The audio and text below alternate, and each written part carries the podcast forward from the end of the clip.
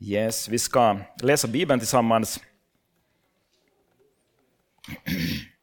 Vi ska tala om hur, hur vi som lärjungar till Jesus Kristus kan förvandlas och fortsätta växa. Och vårt tema är ju Small things, big difference. Eh, som jag sa tidigare, små saker som gör en oerhörd skillnad i våra liv när vi börjar eh, sätta tro till dem, leva ut dem, praktisera dem. Vi har talat tidigare eh, eh, i temat här det här året om uthållig bön, att, att sända små böner till Gud upprepade gånger under dagen och vända oss till honom för hans styrka. Vi har talat om, eh, om att vilka ord vi sår ut, vad vi sår ut med vårt liv är det vi också eh, kommer att skörda. Så tala om bönemodellen som Jesus ger oss, i bönen Fader vår. Och vi har talat om fastan. Flera oerhört viktiga grejer som kan göra en oerhörd skillnad i våra liv. Nu ska vi läsa idag, börja läsa från Markus evangeliet 1, vers 14-20. Där står det så här. Sedan Johannes hade blivit fängslad kom Jesus till Galileen och predikade Guds evangelium. Han sade, tiden är fullbordad.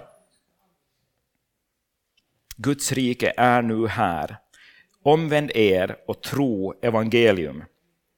När han gick längs Galileiska sjön fick han se Simon och hans bror Andreas kasta ut nät i sjön, för det var fiskare. Jesus sade till dem, följ mig så ska jag göra er till människofiskare. Genast lämnade de näten och följde honom. Då kom lite, det kom lite längre fram fick han se Jakob, Sebedeus son, och hans bror Johannes, där de satt i båten och gjorde i ordning sina nät. Strax kallade han på dem och de lämnade sin far Sebedeus och hans daglönare kvar i båten och de följde Jesus. Här ser vi flera människor som tar Jesus på allvar. De hör Jesus predika. Jesus kommer och säger att det är en ny tid nu. Någonting nytt har hänt genom att han har kommit in i världen. Han säger omvänd er och tro evangelium. Och så börjar han kalla människor att följa honom. Han börjar kalla människor in i ett nytt äventyr. Kom och följ mig. Och det vi ser i lärjungarnas liv är att eh, de, de utan att tveka så lämnar de det de håller på med. De var fiskare, Eh, de levde i olika yrken och de börjar följa Jesus. Där börjar ett äventyr. De gör liksom en, de, vid en tidpunkt så gör de en vändning nu gör jag någonting annat än vad jag har gjort tidigare. Jag börjar leva mitt liv på ett annorlunda sätt. Jag börjar följa Jesus. Ett fantastiskt äventyr börjar där. Och Vi måste förstå lite av vad det betyder när Jesus säger följ mig i den kulturen som de levde i. För vi kanske har tänkt så här som kristna att det här var något unikt. Jesus började ha lärjungar.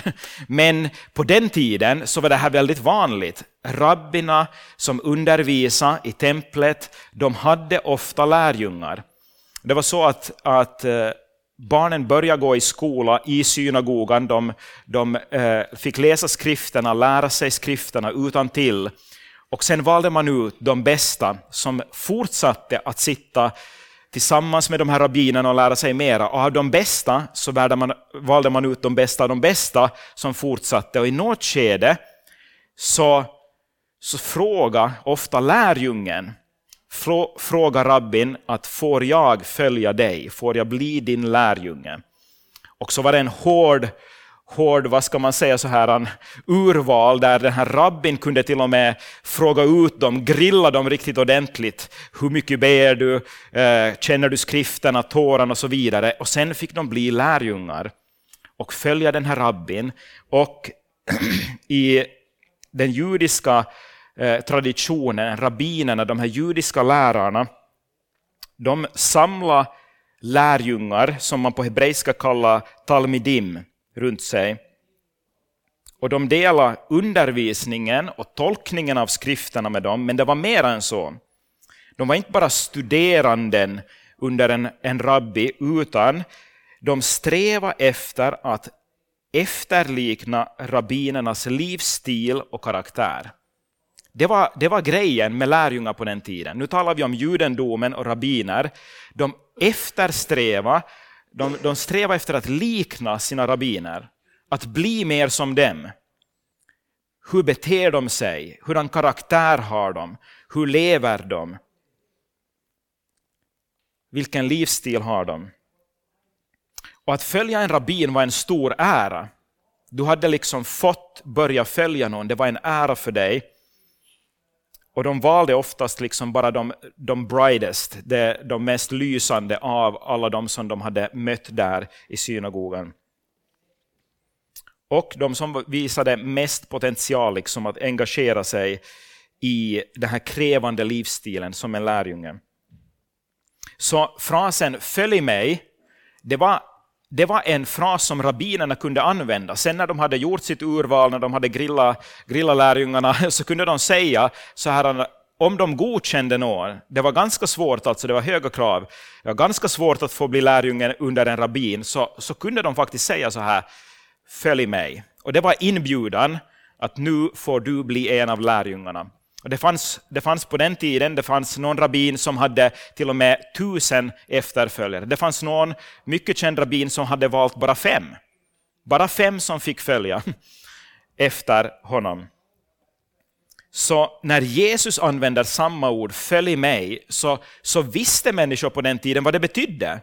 De visste att det här är nu en inbjudan från en lärare, en mästare, att efterlikna honom. Det är vad det handlar om.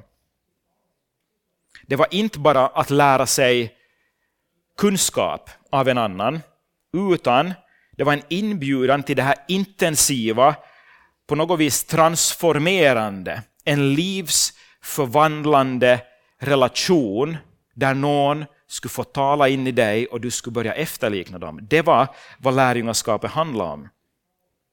Men skillnaden var, var här att här var det inte på lärjungens initiativ i första hand, utan när Jesus valde sina lärjungar så var det Jesus som helt suveränt själv valde ut de han kallade att följa honom.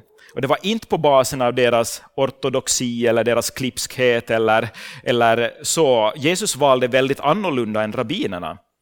Han valde fiskare, han valde skatteuppbärare, han valde också vanliga män som inte hade någon särskild utbildning, som inte hade gått i skola under någon rabbin. Så man kan säga så här att, att Jesus sökte inte människor som stolt ville liksom visa upp sig själva som kunniga, ortodoxa, renläriga, utan han kallar människor som inte ens spelar i samma liksom på samma nivå, inte ens på samma fotbollsplan som de här toppstudenterna under rabbinerna. Han valde människor som du och jag. Han valde människor som sa jag vill förvandlas, som, som han såg potentialet i att de här människorna kan bli efterföljare. Kanske de skulle ha sagt om sig själv, jag tillhör inte den där gruppen, jag tillhör inte den gruppen som kan bli lärjunge under någon. Kanske de till och med själva skulle ha liksom sagt att ah, jag har inte det som behövs för det här. Men när Jesus sa följ mig så var det en så djup kallelse att de gensvarade på det. Så de kastar sig in i ett spännande äventyr, men varje lärjunge märker när vi börjar följa Jesus så börjar vi också märka vem vi verkligen är. Utmaningarna i oss själva. Kanske vi ganska snabbt säger så här att jag är frälst, men jag kämpar med att förlåta andra människor. Jag, jag har valt att följa Jesus, men plötsligt känns det tungt. Jag vill bli någonting. Jag vill verkligen låta Jesus förvandla mig, men så märker jag att jag börjar se mig som bättre än andra. Eller så märker jag att jag börjar se mig som sämre än andra. Och vi kämpar med alla de här känslorna inom oss. Vi ser samma sak i lärjungarnas liv. Vi ser hur kampen kommer smygande när de följer Jesus. De följer honom, men de bråkar med varandra om vem som ska få sitta bredvid honom i himmelriket. Kom igen, Jesus är kung. De bråkar med varandra. Man är så här att, seriously lärjungarna, ni har fått följa Jesus Kristus, han är världens konung, och så bråkar de. Ja, men, vem av oss ska få sitta bredvid dig? Och så bråkar de också om vem som är störst av dem. Jesus kallar dem till ödmjukhet. Jag är störst. Nej, men kanske du är störst. En gång, det är en av mina favoriter. I en stad vill de inte ta emot Jesus. Och lärjungarna bara, Herre, ska vi kalla ner eld över dem och förtära dem? Det enda det står är att Jesus vände sig om och tillrättavisade dem. Det är liksom, vi förklarar inte här närmare vad som hände, men Jesus vände sig om och tillrättavisade dem.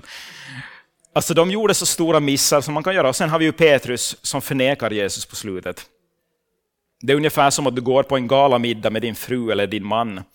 Och så kommer, det är liksom den finaste middagen någonsin och ni går och tar lite bål. Och så, så kommer värden för festen, som känner dig bra, kommer fram till er men har aldrig träffat din fru eller din man. Säger så här, ja, vem är det du har med dig? Är det din fru? Din man? Du är sådär, äh, känner inte henne. Aldrig träffat.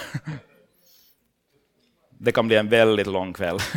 Eller så blir det en jättekort kväll. Någondera. Alltså, de var verkligen långt ifrån färdiga, lärjungarna, när de började följa Jesus. Och allt det här började komma upp. Det är lätt att inse, jag behöver hjälp så mycket. Jag behöver bli förvandlad. Jag tappar nerverna på barnen. Man kan sitta fast i beroenden av olika slag. Vi kämpar med ångest, depression och frågan är hur kan vi förvandlas som Jesu lärjungar? Jesus säger inte bara följ mig åt lärjungarna på den tiden, han säger detsamma åt oss. Han inbjuder oss till det här äventyret och säger, vill du följa mig, efterlikna mig, förvandlas i den här relationen? Allt som följ mig innebar för lärjungarna då, det betyder det också för oss i dagens värld. Allt det så kallar Jesus oss in i. Det handlar inte om att ha en fisk bak på bilen. Det handlar inte om att ha en bibel i bokhyllan. Det handlar inte ens om att göra rätt saker på en gudstjänst. Ett korstecken nu och då eller lyfta händerna i lovsång. Det är inte det första det handlar om, utan frågan är, vill jag låta universums skapare, Gud själv, bli centrum i mitt liv och förvandla mig? Och hur sker det? Hur blir jag mer lik Kristus? För han vet vilka utmaningar vi går igenom. Hur kan jag leva ett liv där jag dagligen kan förvandlas och bli lite mer i hans likhet? Eller på ett enklare plan, hur kan min tro växa? Hur kan min tro växa dag för dag? Hur kan jag känna att jag lärt känna Jesus bättre hela tiden? Jag ska berätta om en undersökning man gjorde en undersökning där man frågade i tusen kyrkor, alltså inte tusen personer, utan i tusen kyrkor, frågar man om deras andliga liv och hur de utövar deras kristna tro. Man bad alla att själva definiera var man är i sin tro. Om man upplever att man växer, har man stagnerat i sin tro, eller minskar ens tro, minskar ens liksom, eh, efterföljelse av Kristus. Så man frågar tiotals, tiotals tusen kristna om det här. Och så börjar man undersöka hur ser verksamheten ut i de här församlingarna? Hur de ordnar upp eh, sin verksamhet, vad de erbjuder sina eh, liksom medlemmar, vilka andliga övningar som påverkar människors tro och så vidare. Så man tog i beaktande gudstjänster, olika aktiviteter, volontärskap, ledarskap, kurser, outreach, bön, bibelläsning, bekännande av sina synder, tiondegivande, för att få så mycket information som möjligt. att Vad hjälper människor att växa? Och Det som var mest intressant i hela den här studien var någonting de inte ens hade förväntat sig något de inte trodde de skulle hitta. Den sak, det var den sak som människor meddelade att hade fallit bort i deras liv när de sa att deras tro hade stagnerat eller börjat minska. Och det var samma sak nummer ett nyckeln som människor sa att var det som de på nytt började göra när deras tro började växa. Genom hela studien, när de började liksom växa i sitt lärjungaskap igen, så var det samma sak som de hade lämnat bort när deras liv hade stagnerat. Och så frågar man också nya i tron, människor som inte har varit kristna tidigare, nya i tron, om deras liv. Och sen de som har varit längre, länge i tron och deras liv. Och i alla kategorier av olika typer av människor, länge i tron eller kort tid i tron, så var det samma grej som hade störst inverkan på människors trosliv.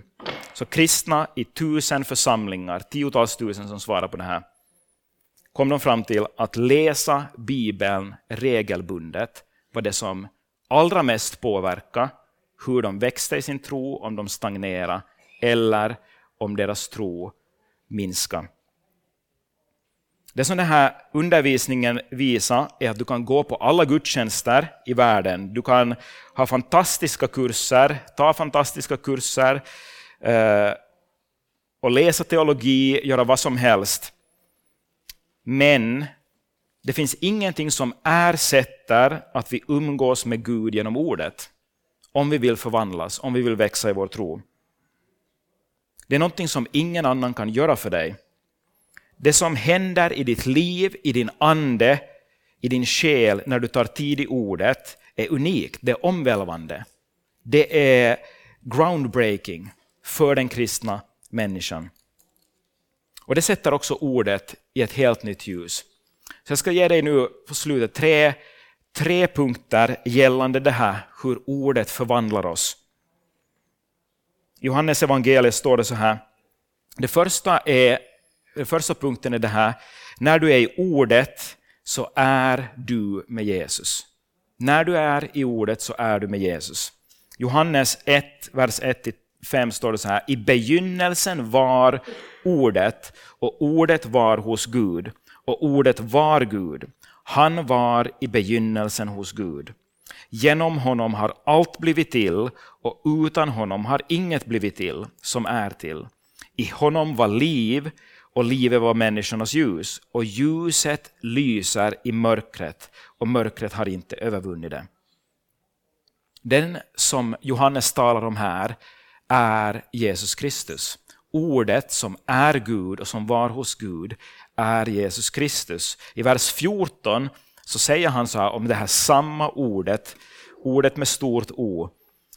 Och ordet blev kött och bodde bland oss och vi såg hans härlighet, en härlighet som den enfödde har av Fadern och han var full av nåd och sanning. Några verser framåt, vers 16-17. Av hans fullhet har vi fått nåd och åter nåd. Ty lagen gavs genom Mose, nåden och sanningen kom genom Kristus. Så vad Bibeln säger är att ordet, Guds ord, är Jesus Kristus. The message översättningen säger så här, vers 14, där vi läste att ordet blev kött och bodde bland oss. The message säger att the word became flesh and blood and moved into the neighborhood. Alltså så bokstavligt, när Jesus, ordet, kom hit till världen, då blev ordet en del av vår gemenskap. Ordet flyttade till ditt kvarter. Han flyttade in här bland oss. Han blev en del av oss. Han kom nära. Så ordet, Jesus Kristus, är ordet som kommer hit in i världen med liv. Och Vi läste att det här, det här ordet, det är människornas liv. Det ger liv. Ljuset hur du läste. I honom var liv och livet var människornas ljus. Det här ordet har liv i sig. Livsförvandlande kraft. Och det här är människornas ljus. Vi som kämpar, vi som är lärjungar, vi kämpar med hur vi ska förvandlas, hur vi ska följa Jesus. Om det här ordet så står det ljuset lyser i mörkret, mörkret har inte övervunnit det. Det betyder att oavsett vad ditt mörker är, vad din grej är som du kämpar med inom dig, där du behöver förvandling, så säger Bibeln att Guds ord, Guds ord är ett ljus som lyser och övervinner mörkret. Om du söker förvandling där det finns mörker i ditt liv, då är Bibeln, Guds ord är Jesus Kristus och han har makt, han har kraft att lysa in och förvandla ditt mörker. Väldigt konkret, när Jesus kommer som ordet in i den här världen, vad är det vi ser att han gör? Ordet Jesus förvandla hela sin omgivning där var han gick fram. Ordet, alltså Jesus, satt människor i rörelse. Ordet helade människor från sjukdomar. Ordet bröt demoniska band i människors liv. Ordet tog till sig tolv lärjungar och ordets förvandlande, transformativa kraft i lärjungarnas liv har lett till att 2,6 miljarder människor uppfattar sig som kristna idag i vår värld. 2,6 miljarder människor.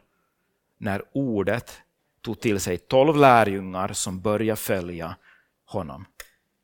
Det är vad ordet kan göra i våra liv. Och information räcker inte för livsförvandling. Bara det att jag tänker att jag ska läsa och få en massa information om vad Bibeln säger, det räcker inte utan, utan vi läser för att umgås med Jesus själv, för att han ska få tillträde till våra hjärtan och få förvandla oss. Någon har sagt så här, an apple a day keeps the doctor away, but a God's word a day keeps the devil away. Guds ord kan övervinna våra utmaningar. Så när du, när du tänker på Bibeln, så tänk inte bara som en bok jag borde läsa för att jag är kristen, utan tänk på det, det här är Jesus Kristus. Genom ordet, det är levande, så kommer Jesus Kristus till mig. Så den andra punkten är att när du skapar utrymme för ordet så skapar du utrymme för livsförvandling.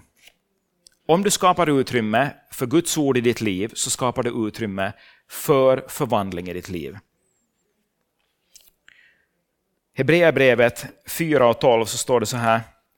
Ty Guds ord är levande och verksamt, det är skarpare än något tvegat svärd och tränger igenom så att det skiljer själ och ande, led och märg och det är en domare över hjärtats uppsåt och tankar.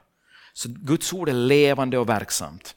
Om du skapar utrymme för det så skapar du utrymme för livsförvandling. Ett annat bibelställe som talar om vad Guds ord gör i ditt liv, det är i andra Timoteusbrevet 2, vers 16 och 17. Där står det så här, om det här ordet, om hela Guds ord står det, hela skriften är utandad av Gud och nyttig till undervisning, till bestraffning, till upprättelse, till fostran i rättfärdighet. Och varför då? För att Guds människan ska bli fullt färdig, välrustad för varje god gärning. Så det står här att allt här är utandat av Gud. Det här är inte bara människor som har skrivit ner text som kan vara lite intressant att läsa eller vacker poesi, utan det här är utandat av Gud själv. Och det har kraft att göra Guds människan i dig fullt färdig. Här skickar jag iväg en karta åt dig. Jag vet inte vad det betyder, har jag läst Bibeln? Mycket eller lite när sidorna faller ur. Uh, Guds ord är levande och det kan göra dig färdig. Guds människan i dig färdig för varje god gärning. Jag ska visa en video åt dig. Det är John Bevere som talar med en som var med och gjorde den här undersökningen om eh, att läsa Bibeln och fördelarna med det. and they discovered something that actually became kind of the profound discovery of the entire study. It, they weren't even looking for this, and this is kind of became the highlight of the study. Right. Um, when we're in the scripture one time a week, and that could be church on Sunday, that's pastor saying you open your Bible, we hear the message, one time a week had negligible effect on some key areas of your life. So I'm going to spell that out more here in a moment. Two times a week, negligible effect. Now at three times a week, there was a blip on the map. Like there was a heartbeat. Something happened. Again, a heartbeat. Okay. But here was the profound discovery. When we're in the scripture four times a week, it literally spikes off the chart. You would expect that it'd be one, two, th- I mean, there'd be a gradual incline Right. on the effect and impact that would have in your life, but it was literally one, two, three, four, something radically happens. Okay, you got my curiosity. To this what, extent. What kind of behavior is being affected? Feeling lonely drops 30%. Wow. Ang- four times a week in the four Bible. times a week in the Bible. Okay. Anger issues drop 32%. Uh, bitterness in relationships, marriage, a relationship with your kids, and so on, drops 40%. Alcoholism drops 57%. Feeling spiritually stagnant. You know, if there was one area when I'm talking with people that, that they'll be honest about is they just feel spiritually stagnant. Ask them the question, how much time are you spending in scripture? If they're in the scripture four times a week or more, it drops 60%. Wow. Viewing pornography drops 61%. That's very important. now, on a flip positive side, sharing your faith Wow. jumps 200% Wow. because you have a confidence in God's word. And then discipling others jumps 230%. That's that's amazing right there. Ganska övertygande. Fråga 40 000 eh, kristna vad det gör med dig om du läser Guds ord regelbundet. Och vad de kom fram till var alltså, enligt den här forskningen, om du läser fyra gånger i veckan eller mera, så börjar det hända märkbara skillnader i ditt liv, på olika områden i ditt liv, som man nämnde. Och det är ganska häpnadsväckande resultat. Alltså att jag spenderar tid med Guds ord fyra gånger i veckan, så händer det här. Att vara med i en smågrupp en gång i veckan ersätter inte det att vi läser ordet själva. Att vara med på gudstjänst på söndag, som är bra, alla de här grejerna bidrar, men bara det i sig själv räcker inte för att livsförvandling ska börja hända i lärjungens liv. Utan det handlar om att jag umgås med ordet. Jag börjar tänka, Jesus är min mästare, han är min Herre. Jag, jag vill läsa, inte bara läsa om honom, jag vill läsa honom. Läsa honom och låta honom få fylla mitt liv, mitt hjärta och börja efterlikna honom i mitt liv. Och då händer någonting i mitt liv. För det tredje och sista, förvandling, livsförvandling, så kräver handlande från min sida. Någon form av action. Att jag gör någonting med det jag läser. För vi vet berättelsen om de två som byggde. Ena byggde sitt hus på klippan, andra byggde sitt hus på sanden. Och hur det gick, Matteus 7.24, den som därför hör dessa mina ord och handlar efter dem, han liknar en förståndig man som byggde sitt hus på klippan. Det huset rasade inte. Vers 26. Men den som hör dessa mina ord och inte handlar efter dem, han liknar en dåre som byggde sitt hus på sanden. Och vi vet hur det gick. Det huset rasade när stormen kom.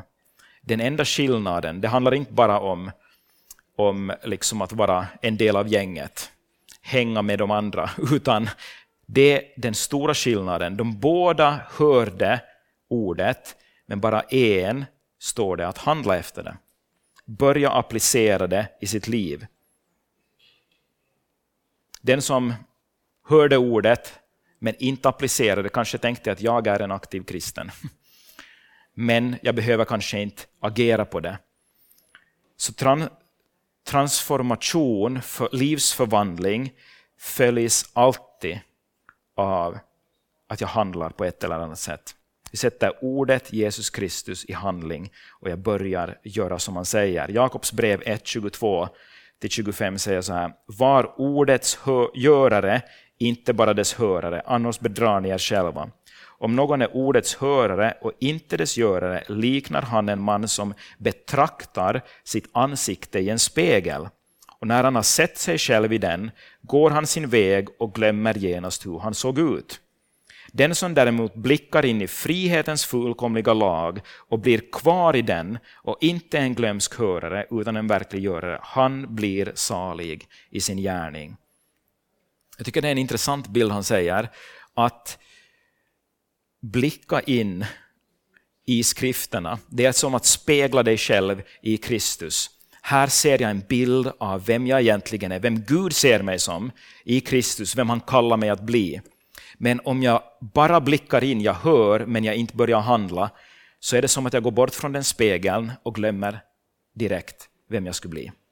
Men att både höra ordet och börja göra ordet, börja handla efter det, det är som att blicka på Kristus, blicka in i frihetens fullkomliga lag och bli kvar i det, börja förvandlas. Låta det här prägla vem jag är. Det är som att spegelbilden liksom får hoppa ut därifrån spegeln och börja prägla mig. Så att jag börjar efterlikna Kristus. Jag vill här till slut, före vi avrundar, helt praktiskt ge en, en variant. Vi har ju kanske alla provat olika bibelläsningsplaner och försökt hålla i kapp liksom febrilt att inte bli efter i en eh, bibelläsningsplan. Och här är en lite annorlunda bibelläsningsplan och som du inte kan bli efter i. Och tänkte sätta upp den här bilden. Det är inte min idé, det är flera som följer eh, den här typen av bibelläsningsplan. Och den går ut på det att, att man läser brett från hela Bibeln varje vecka. I många bibelläsningsplaner så läser man från ett ställe eller två under ganska många veckor. Och, och Det kan ju vara att när man kommer till krönikaböckerna så blir det lite tunga veckor sen när man läser dem veck, vecka ut och vecka in. Men här är tanken den att du läser från olika delar av Bibeln på olika dagar i veckan. Och Då blir det mycket variation och väldigt olika grejer som du får ta del av från olika delar av Bibeln. Så måndag, Gamla testamentet, första Moseboken till andra Moseboken till andra konungaboken. Tisdag från evangelierna, Matteus, Markus, Lukas.